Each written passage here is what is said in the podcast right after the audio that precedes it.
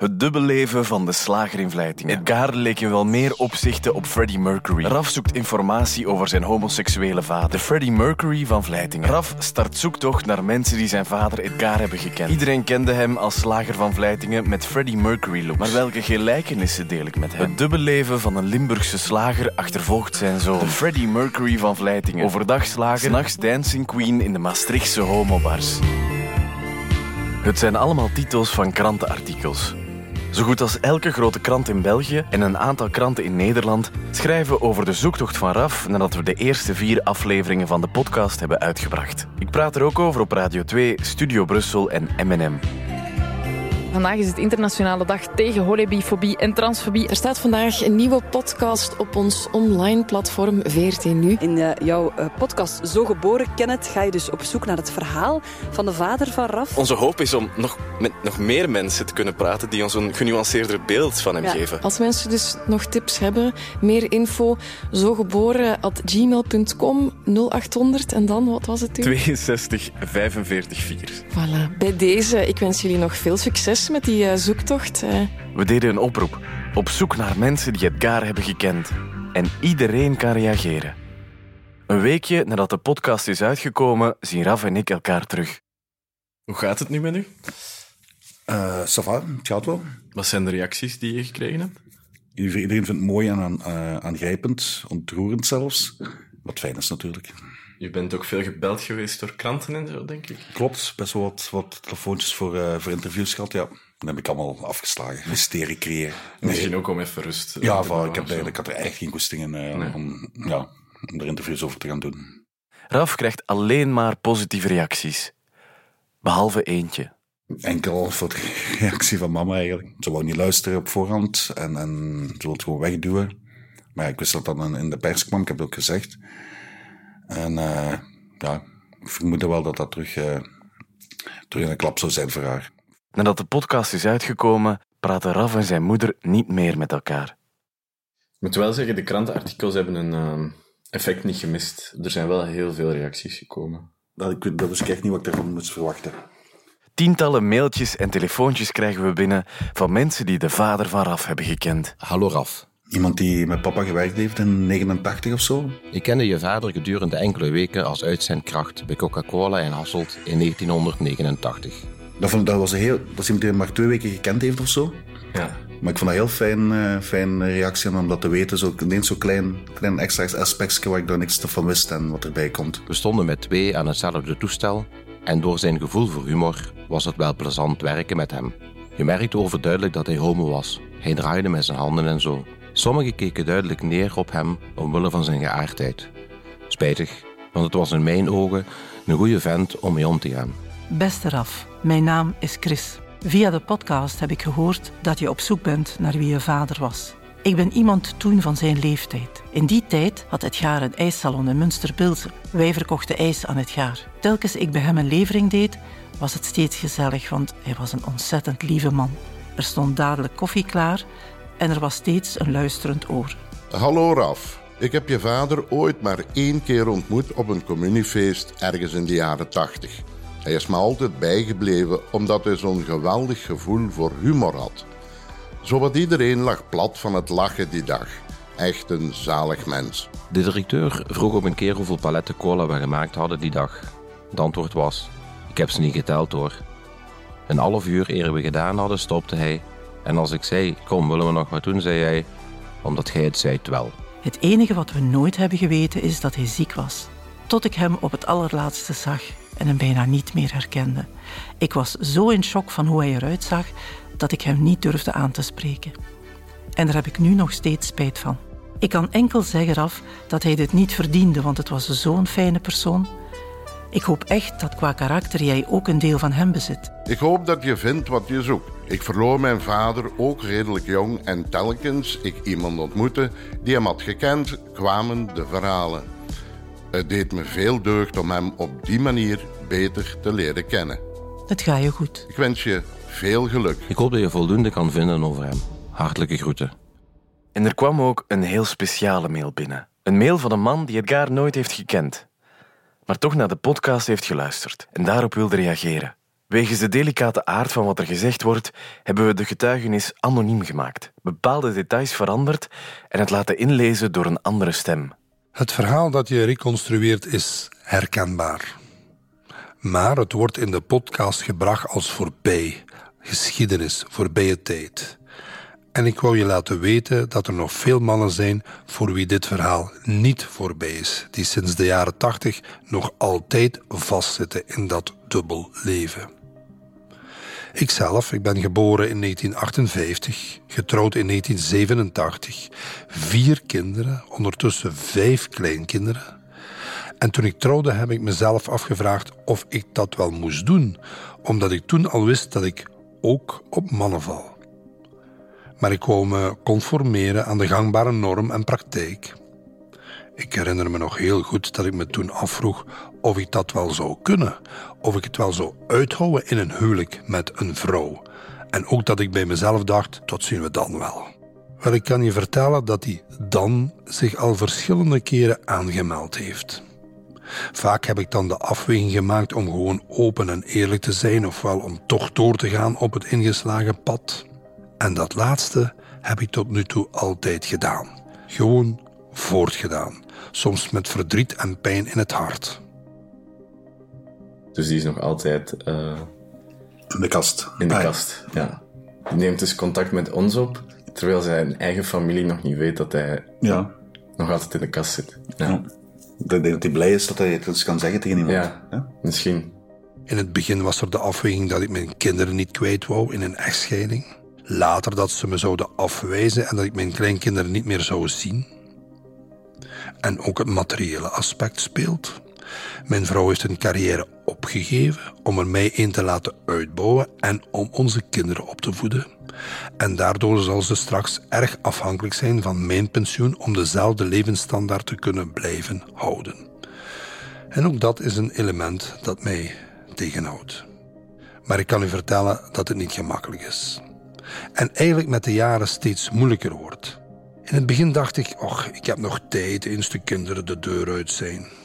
Maar dan zet ik steeds andere mijlpalen en soms krijg ik het gevoel dat ik echt helemaal vast zit. Vooral als er weer eens iemand mijn pad kruist waarmee het klikt en die ik beter zou willen leren kennen, dat lukt natuurlijk niet in een setting van overdag tijdens de werkweek. Betekent wel dat hij... Arme man. Ja. En dat wordt steeds meer een bron van frustratie. Tegenwoordig speelt ook de leeftijd. De vrees om op mijn leeftijd nog een nieuw leven te beginnen met het risico helemaal alleen achter te blijven. Dat zou ik niet aankunnen. Ik schrijf je dit allemaal gewoon ter illustratie dat je podcast net zo goed in het heden zou kunnen gesitueerd zijn. Je merkt het allemaal heel dubbel en erg moeilijk. Dus dat is wel ehm, mooi dat... Allee, Vind ik heel mooi. ja. Ik- Ja. Dat is erg, ja. Dat is keihard, ja. Wat grijpt er u aan, denk je? Ja, dat mensen nog altijd zo moeten leven. Ja. Dat is gewoon tristig, vind ik. ja, dat. En Ik begrijp alles wat ik zeg. Ik begrijp, ja, ik begrijp dat heel fel, denk ik. eh. dat is een heel normale reactie, maar ik denk dat zijn kinderen, ze- zeker zijn kinderen hem nooit gaan aanwij- afwijzen. eh. Nee. Want, eh, maar ik begrijp dat die angst er is gewoon. eh. Ja. En ik vind ook mooi dat hem, dat hem bij zijn vrouw blijft, omwille van, ja, omdat dat ook een financiële dingen is en zo allemaal. Hm. Dat is ook wat, wat zo knap was aan, aan mama, hè. inderdaad. Een- Blijkbaar een heel goed za- draaiende zaak achtergelaten en alles, om op een eh allee, cultuurleidster eh, inkomen eh, Ja, terug te vallen. terug te vallen, een kleine, grote trek. En, eh, dat moet je toch maar doen. Ah, ja. Ja. We hebben ook een aantal berichtjes ontvangen op ons antwoordapparaat. Hallo, het is met Bart Mellenberg. Hallo. Ik heb Edgar gekend. Ik was toen ook een jonge gast van 16, 17 jaar. Ik heb vroeger gewerkt met rechtstreeks broer van die mens waar jij van spreekt in de gezet. Ik heb gewoond naast uw papa. Hallo, ik ben de vroegere buurvrouw geweest in Vleitingen van Edgar Lindman. Ik was de buurvrouw van hem. Ik kwam heel veel thuis. Mooi, met Bart Mellenberg nog eens terug. Ik heb nog enkele vrienden kunnen contacteren die ook leuke verhalen op kunnen vertellen over Edgar. Dus wel wat reacties. ehm. Met wie wilt je zeker contact opnemen? Het lijkt me wel goed om ehm, niet te lang meer te wachten ook met de actie. Dan mag ik wel eens bellen naar eh, een paar van die mensen. Zeker. Dus ik bel naar mensen die een bericht hebben achtergelaten. Hallo, Zoals Bart Mellenberg. bij het jaar kwamen wij, ja, ik denk ergens periode 86, 87 kwamen wij in zijn koffiehuisje in Münsterbil zitten. Je hoorde het al in de vorige aflevering. Nadat Edgar zijn slagerij had verkocht, kwam hij terecht in Münsterbilze, een Limburgs dorpje op een tiental kilometer van Vleitingen. Ik heb bleef mijn eh, koffieshop, een koffiebar in Münsterbilze uit te baten. En ik wou net die zomer wou ik eigenlijk zo wat in de buurt van die bar gaan rondhangen om eens te zien van op afstand, dan te zien wat ik daarbij voelde en hem dan misschien aan te spreken. Maar dan ben ik de begin van die zomer eh, moest ik dan op controle voor mijn hart en bleek ineens dat ik dringend geopereerd moest worden. Raf wordt geopereerd. De operatie gaat mis en Raf komt nooit terecht in de koffiebar van zijn vader in Münsterbilze. Maar 30 jaar na datum gaan we er dan toch naartoe. Waar zijn we naar onderweg? Naar Münsterbilze. Naar de Leize. De, de Leize tegenover het gesticht, lijkt me zeggen. Ergens bij de Deleize, recht tegenover het psychiatrisch centrum, had Edgar zijn koffiebar. Maar ja, dat heb ik dus ook nooit gezien. Bart Mellenberg wil er ons rondleiden. Hallo. Ja, ik ja, ben het. want ik zag ik dat gezicht. Ja. Dat is een wacht. Hey, ik ben Kenneth. En ik zag je dat eh, aan uw gezicht. Het trekt heel fel op u, hè, papa. Ik ben Raf. Je zit Raf. Allee, vooruit ze. Bart was 16 jaar toen hij op bezoek ging in het koffiehuisje van Edgar. Hij is zelf ook homo. Wij kwamen wekelijks hier in het koffiehuisje, bijna wekelijks, om te luisteren naar zijn verhalen. Echt? Ja, zijn verhalen van ja, de zaterdagavond was zijn uitgangsavond. En meestal de vrijdagavond ook, maar zaterdagavond ook. We wisten wel dat hij getrouwd was, maar we hebben ook nooit zien geweten. Allee, ik toch niet. Wat ik me kan herinneren. Tot er een zoon was. We wisten wel dat eh, het jaar getrouwd geweest was. geweest, ja. Het moet een van de drukste straten van Limburg zijn, waar Edgar zijn koffiehuisje had. En hij had hier ergens een koffiehuisje. Hier lag ik langs een koffiehuisje, ja. Als je dat nog herinnert, zit je ooit op afstand komen kijken? Nee, nee, is nooit, gekomen. Er hangt een groot bord met kebab op. Vroeger koffiehuis en nu kebabzaak. En een paar huizen verder staat het oude appartement van Edgar. Hij woonde hierboven. Dat, of dat appartement, dat weet ik niet meer. Maar ik meende dat het meer hier was. Zijn appartement was ook heel mooi. eh, want dat gaat het heel veel antiek. Maar mooi en antiek, geen catch antiek.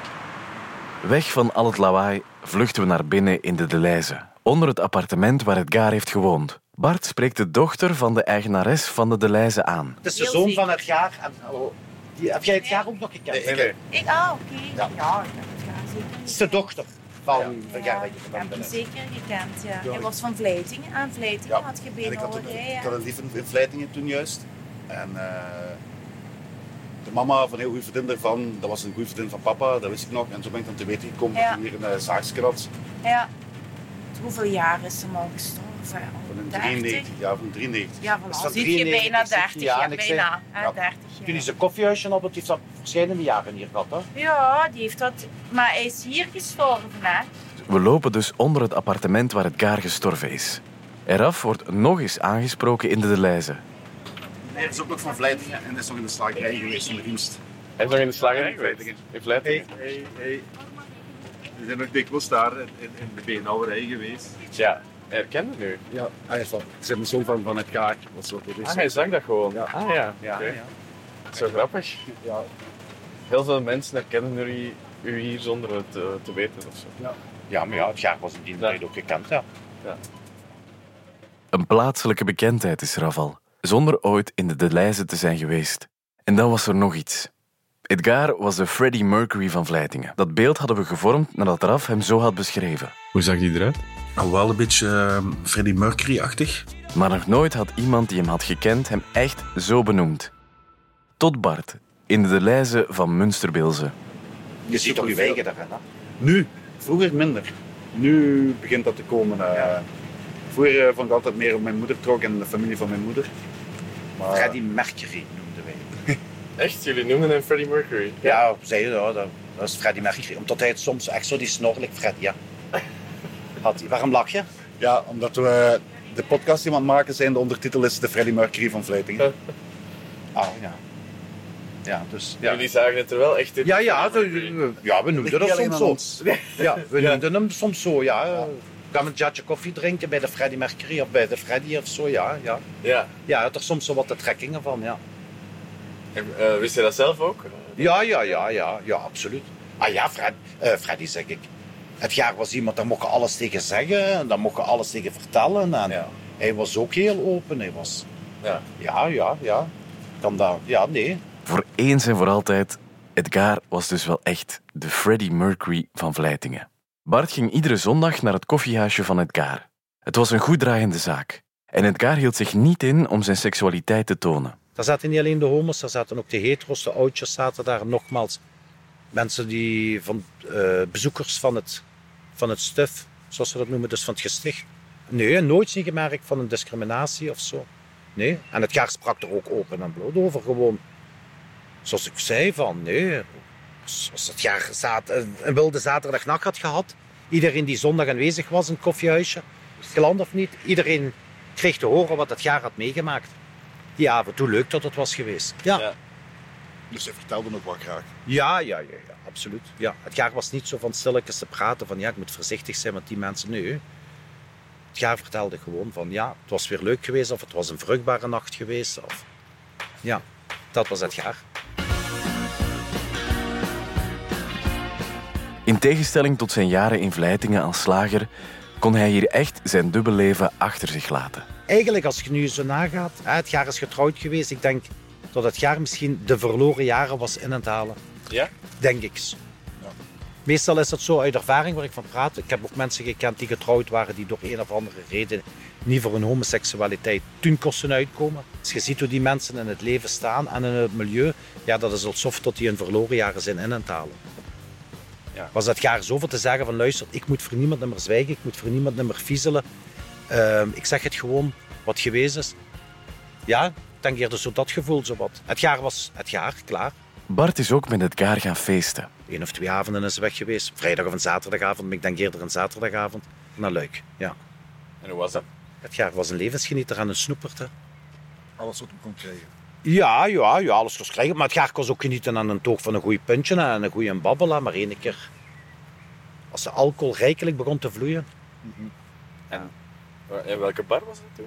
De Spartacus. De Spartacus. Ja, de Spartacus in Luik was zijn favoriete zaak. Ja, dat weet ik wel. Daar ben ik 100% zeker van. En dat was een soort SM-club ook. nee, een open-minded club. Ja. Ja, ja. Een open-minded club, ja. Ja. Open-minded, daar kon alles, daar kwam alles. Maar ja, zwart, ieder zijn smaak. hè. Maar hij kwam vaak in de Spartacus. Ja, ja, dat weet ik ook wel. Ja. En een luik ook eigenlijk. Ja. Ja. Het jaar kwam op meerdere plaatsen, maar ik weet wel van hem dat Luik toch wat zijn tweede thuis was. Ja. We weten dus dat Edgar graag naar homobars ging in Luik, over de taalgrens. En ook in Maastricht en Utrecht, over de Nederlandse grens. Om te horen hoe het er net aan toe ging, ben ik gaan praten met mensen die Edgar niet hebben gekend, maar zich wel in dezelfde homoscene bevonden. Peter Pluimen, een homoman uit Maastricht. Dat die meneer Edgar Lindmans eh, naar Maastricht is gekomen, is niet, eh, niet uitzonderlijk. Nee. eh, waren er veel Belgen? Ja, ja, zeker. Maar weet je, het heeft ook met veiligheid te maken. Hè? Ga maar naar Maastricht.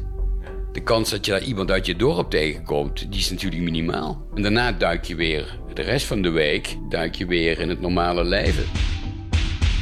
Een grens overgaan, de taalgrens of de Nederlandse grens, kon heel aangenaam zijn voor mensen die op zoek waren naar mensen van hetzelfde geslacht. Het zorgde voor meer anonimiteit. Misschien dat het gaar daarom naar Luik en Maastricht ging. Maar hoe stap je dan zo'n homobar binnen? Je hoort Peter en Karel. Karel is een homoman uit Limburg. Die homobars, daar moest je bellen. Gewoon binnengaan, eh, dat was er in die tijd niet. Er ging een luikje open. Dan bekeken ze, werd je getaxeerd. En ofwel kon je zo binnen, ofwel vroeg ze als je wel wist wat dat het was. Dan vertelde een of andere man: Weet u wel dat dit een eh, bar is voor homoseksuelen? Ja, oh, dan werd je binnengelaten. En als je dan een goede uitleg kon geven waarom dat je kwam, dan mocht je binnen. Die bar was van de buitenkant, je kon daar niet naar binnen kijken. Dat was een totaal gesloten toestand. In de meeste homobars kan je niet naar binnen kijken.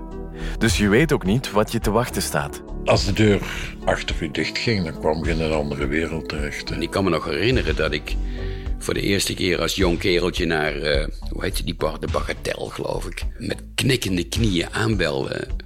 Ik durfde eerst niet naar binnen. Toen ben ik op en neer gelopen in de straat en dan toch maar de, schou- de de stoute schoenen aangetrokken en gebeld. Bang. Ja, dan kom je die bar binnen en er zitten allemaal kerels. En ik kan het nog heel goed herinneren. En ja, ik was een jong, jong mannetje. Alle blikken op me gericht. En ik ben in een hoekje gaan zitten. En die barkeeper die, die had dat in de smiezen, die was heel aardig tegen me. Maar eh, binnen de kortste keren zat er een stel kerels om me heen. Ben jij, net zoals je vader, iemand die graag gaat feesten? Nogal, ja. Ja? Ja, dat is met periodes en nu is het weer wat rustiger, maar ik heb, ja, ik heb even weer een heftige tijd gehad. Ik bedoel, bijna iedere avond. eh, Ja, op café of na een optreden of na, na, na een feest. eh kon moeilijk, eh, moeilijk thuis zitten. Ja. Beetje onrustig ook, of zo, niet? Ja, zeker. Onrust in het lichaam en de kop. Maar je vader heeft het u zelf nooit geleerd. Je hebt het zo zelf een beetje eh, zelf ontwikkeld ook. Ja, dat is wel maffend dat ik, dat ik zoveel van zijn trekken heb zonder dat, we, ja, dat hij mij opgevoed heeft of dat ik veel van hem Ja. heb meegekregen. eh. En naar welke club gingen jullie dan in de... Dat was een Spartakjes, geloof ik. Was het een Spartakjes, denk ik, dat die naam was. Ja. En Boven was een toog, dat weet ik nog. En dan kon je de kelder in gaan, dan kon je daar naar de wc gaan en de kelder in gaan. En eh, dat waren dan donkere kamertjes en zo. En eh, er gebeurde van alles dat je kent had. We zijn ook op bezoek gegaan bij Jos. Hij was ook klant in het koffiehuis van Edgar. Hij wilde ons een foto geven. Je hebt dat ding, de foto al klaargezet hier, zit je? Dat is van de man hier. Ah ja. Dat zou moeten zijn, hè? dat is met carnaval. Een foto waarop we Edgar nog op een andere manier leren kennen. Met carnaval was dat, hè. dat dat was altijd, eh, ja, dan was het altijd eh kermis. Hè. Maar gewoonlijk waren er altijd zo vrouwelijke kantjes aan natuurlijk. Hè. Dan eh moest er zo een BH bij zijn en, en de zwarte kousen met de, met de naden van achter zo. Je kent dat zo wat... eh, Een foto waarop Edgar als vrouw verkleed staat. Tijdens carnaval verkleedde hij zich altijd als vrouw. Zijn snor is af. Just. Ja, hij had wel altijd snor. Hè. Ja. dat was me nog niet direct opgevallen, inderdaad. ja, als vrouw met snor, dat ging niet. Hè. Terwijl Jos koffie maakt, bekijkt Raf de foto van dichterbij. Er staat er zelfs een schoolmeisje bij, hè? Wat? Er staat er zelfs een schoolmeisje bij, zo. Ja, heel lieflijk. eh, eh. Ja, zo. ja, zo- ik had van de foto nog niet veel gezien dat hem Nee. zo eh bedeesd bijna overkomt. Ja. Edgar draagt een soort Tina Turner-achtige pruik en heeft voor het eerst geen snor. Edgar was overal iemand anders. Dat merkt Raf op door de foto. We hebben Oh, nu al- toch al met veel mensen gebabbeld eigenlijk. Ja. En ik heb nog niemand, we hebben nog met niemand gebabbeld waar me echt zo het achterste van zijn tong laat zien, vind ik. eh. Hij zegt, Ja, ja. Niet, hij zegt niet veel, hè? Want Ah, dat- ja. Had jij het gevoel dat hij het achterste van zijn tong liet zien? Hmm, nee, bedoelt je dat hem kwaad werd of zo? Nee, nee, dat hem, dat hem eh, vertelde wat echt in hem om, omging. Ah, Zo. nee, ja, dat zou wel kunnen zijn dat dat misschien staat een beetje op de achtergrond bleef. Misschien, ja, maar... maar... Die indruk heb ik zo wat eigenlijk. Maar we mogen wel van één ding zeker zijn. Het had al plezier gemaakt altijd. hè. Dat was, ja. Laat het maar. Ja. Hij kon goed plezier maken, dat hebben we al veel gehoord. Hè? Ja, ja, ja, ja, ja. Die conclusie kunnen we wel trekken. ja, En we hadden nog een bericht gekregen Ja, meneer, ja, ja. van mevrouw Ruiters. Ik heb altijd langs het Charles Lindmans gewoond. U woonde dus op de Meijer, ergens dichtbij. Op de meer, op de meer. Ja, wij hebben daar altijd café gehad. En in dat café op de Meijer had Edgar iets speciaals gevierd. Toen hebben ze ook gevierd, hè. Ja? Toen hij geboren is. Oh Ja. god, de papa heeft dat goed gedaan. Dat was allemaal thuis. Hebben ze goed gevierd. Ja. Op welke manier? Of eh, hoe was Ja, het dan? op dat, hè. Mevrouw Ruiters maakt een drinkgebaar. Edgar was dus in feeststemming op de dag dat Raf geboren is. Ik denk ook in die tijd dat er ook cadeautjes gekregen had, hoor. Maar dat was allemaal het jaar, het jaar. Een groot feest in het dorp op de dag van de geboorte van Raf. Het enige spijtige is nu dat, ja, dat het wel moeilijk is met mama, dat ik dit alles aan het onderzoeken ben. Vraag, die heeft dat allemaal proberen te begraven vroeger en nu komt dat allemaal boven. Maar ik vind dat ik daar recht op heb om dat te weten nu. En wat zeg je mama daarvan, dat je daar nu mee bezig bent? Zo? Vindt ze het niet fijn? Nee, ja. Nee? nee, nee, helemaal niet. Ja, die wil dat achter rug laten, wat gebeurd is. Ja. En iedereen wist dat ook wel allemaal, hè? maar voor haar is dat nu van... Ze voelt zich bekeken en ik weet niet wat En je allemaal. uitgekregen nog één. hè. Rustig, rustig met een auto. En dan biedt mevrouw Ruiters, als een echte ex-cafébaas in, Raf nog een pintje aan. En uw papa die is in Zutendaal begraven, kan dat? Ja. Ja, ziet je, dat weet ik nog allemaal. We hadden al verschillende gesprekken gehad over de begraafplaats van het Gaar. Zoals met Christine en Maggie, goede vriendinnen van het Gaar die je eerder al hoorde. Je weet wel hoe je papa uitgesloten is. Ja, op het pleintje? Pilsen, dacht ik. Nee, in Zittendaal. In Suttendaal. Op het... eh, op het- Strooiwijken. Strooiwijken. En daar staat een grote steen. Daar hangen allemaal plaatjes op. Daar hangt Hij staat het eerste op het plaatje, meen ik. Maar we hebben nog gekeken in Ah, wel, wat het ik- ik- allemaal Ik heb de nootjes geweten waar dat, waar Ja, dat was. Suttendaal. En, ja, ben er ook ook nooit geweest. Ja, in Suttendaal zelf. Dat pleintje dat ligt in het midden van het kerkhof, hè, geloof ik. hè? En ook Bart Mellenberg die had Raf iets over verteld. Luik was zijn tweede, stad. Ja, zijn tweede thuis. Want blijkbaar is... Uw papa is uitgestrooid. Ja. Boven Luik. Dat weet ik niet. Dat, want dat was zijn wens. Ik weet dat het jaar had gezegd van, eh, dat ik gecremeerd word. En Tot een deel van mijn assen, of mijn assen worden uitgestrooid. Maar ik meende niets herinneren, maar ik weet niet hoe ik terecht kom. Ik heb er ook nooit zin in tijd voor genomen tot hij naar Zoetendaal ging. Ja. Alles wat, wat, wat papa op zich wou is niet gebeurd. Dat, dat weet ik wel. Dan is hij uitgestrooid aan bovenluik. Nee, nee. Nee? Net, net niet. Na de dood van het Gaar zijn er vreemde dingen gebeurd. Maar dat is voor later. Eén wens is sowieso wel uitgekomen. Christine vertelt dat het Gaar gecremeerd moest worden. Van de ziekte. Of, Nee, wou dat. Ook dat hij dat wou. Ja. Waarom Hij had zoiets van... Hij had ook zoiets van... Dood is dood en weg is weg. En er moet voor mij niemand nog voor iets zorgen. Nu, gedaan, uitstrooien. We besluiten om het kerkhof waar de resten van het Gaar liggen ook eens te gaan bezoeken. Je zou mij niet rap op een kerkhof of zo zien. Op een winderige dag vindt Raf de moed om de begraafplaats van zijn vader te gaan bezoeken. Het is nu de eerste keer dat je naar het, eh, de begraafplaats van je vader gaat. Ja. We komen aan op de begraafplaats van Zutendaal. Een heel gewone Vlaamse begraafplaats. En we zoeken op goed geluk naar de strooiweide. Ja, de strooiweide. We kijken rond en dan zie ik iets. Ik denk dat het daar is. Ja. Er ligt een klein grasveldje. Omringd door een kleine omheining, nog eens omringd door bloemen. In het midden staat er een steen. En daarop staan naamkaartjes. Ik zie hem. Derde, derde van de eerste rij. Ah, ja. Lindmans het Gaar. Geen enkele lust voor het leven of flamboyante tekenen zijn er achtergebleven op de plek waar het gaar zijn laatste resten liggen. Ja. Ja. Ver een plaatje, hè? Ja, je ziet het bijna niet. Ja, doet dat u iets? Eh, nee. Nee. Nee. Nee, nee. Maar het moet dus hier ergens zijn dat hij is...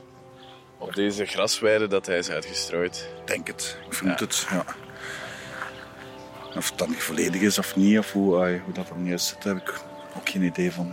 Misschien daarom dat het gaar liever op een heuvel in Luik had gelegen. Ja, je hebt het ook eens gezien, hè, nu? Ja, voilà. Maar ja, ik zeg u dat. Voor mij zijn mensen veel meer de, de, de, de verhalen die ze achterlaten of zo dan, dan, Ja. dan dit. Ja. Zou je ma hier ooit nog geweest zijn, denk je? Denk het niet. Nee. We vertrekken terug, want we hebben nog een afspraak in Zutendaal. De plek waar het gaar is uitgestrooid en ook geboren is. Heb je al contact met de familie van je vader Ja, ik heb gehad? dat ook- dus op de, eh, het is met, met hun enkel, hè.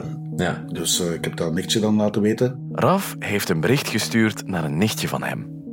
Met de vraag of hij op bezoek zou kunnen gaan bij de zus van het gaar. Ze hadden beloofd om de podcast te beluisteren. En de zus van het gaar had ook al een artikel gelezen in het Belang van Limburg. En ja, het is wel raar. Ze gingen dan luisteren en zo. Ze zei van de dag... De, zei ook van, ik kom bij, de mama binnen, bij mama binnen en eh, het artikel ligt op tafel. En ze is aan het wenen en zo, blijkbaar of ergens iets. Oké.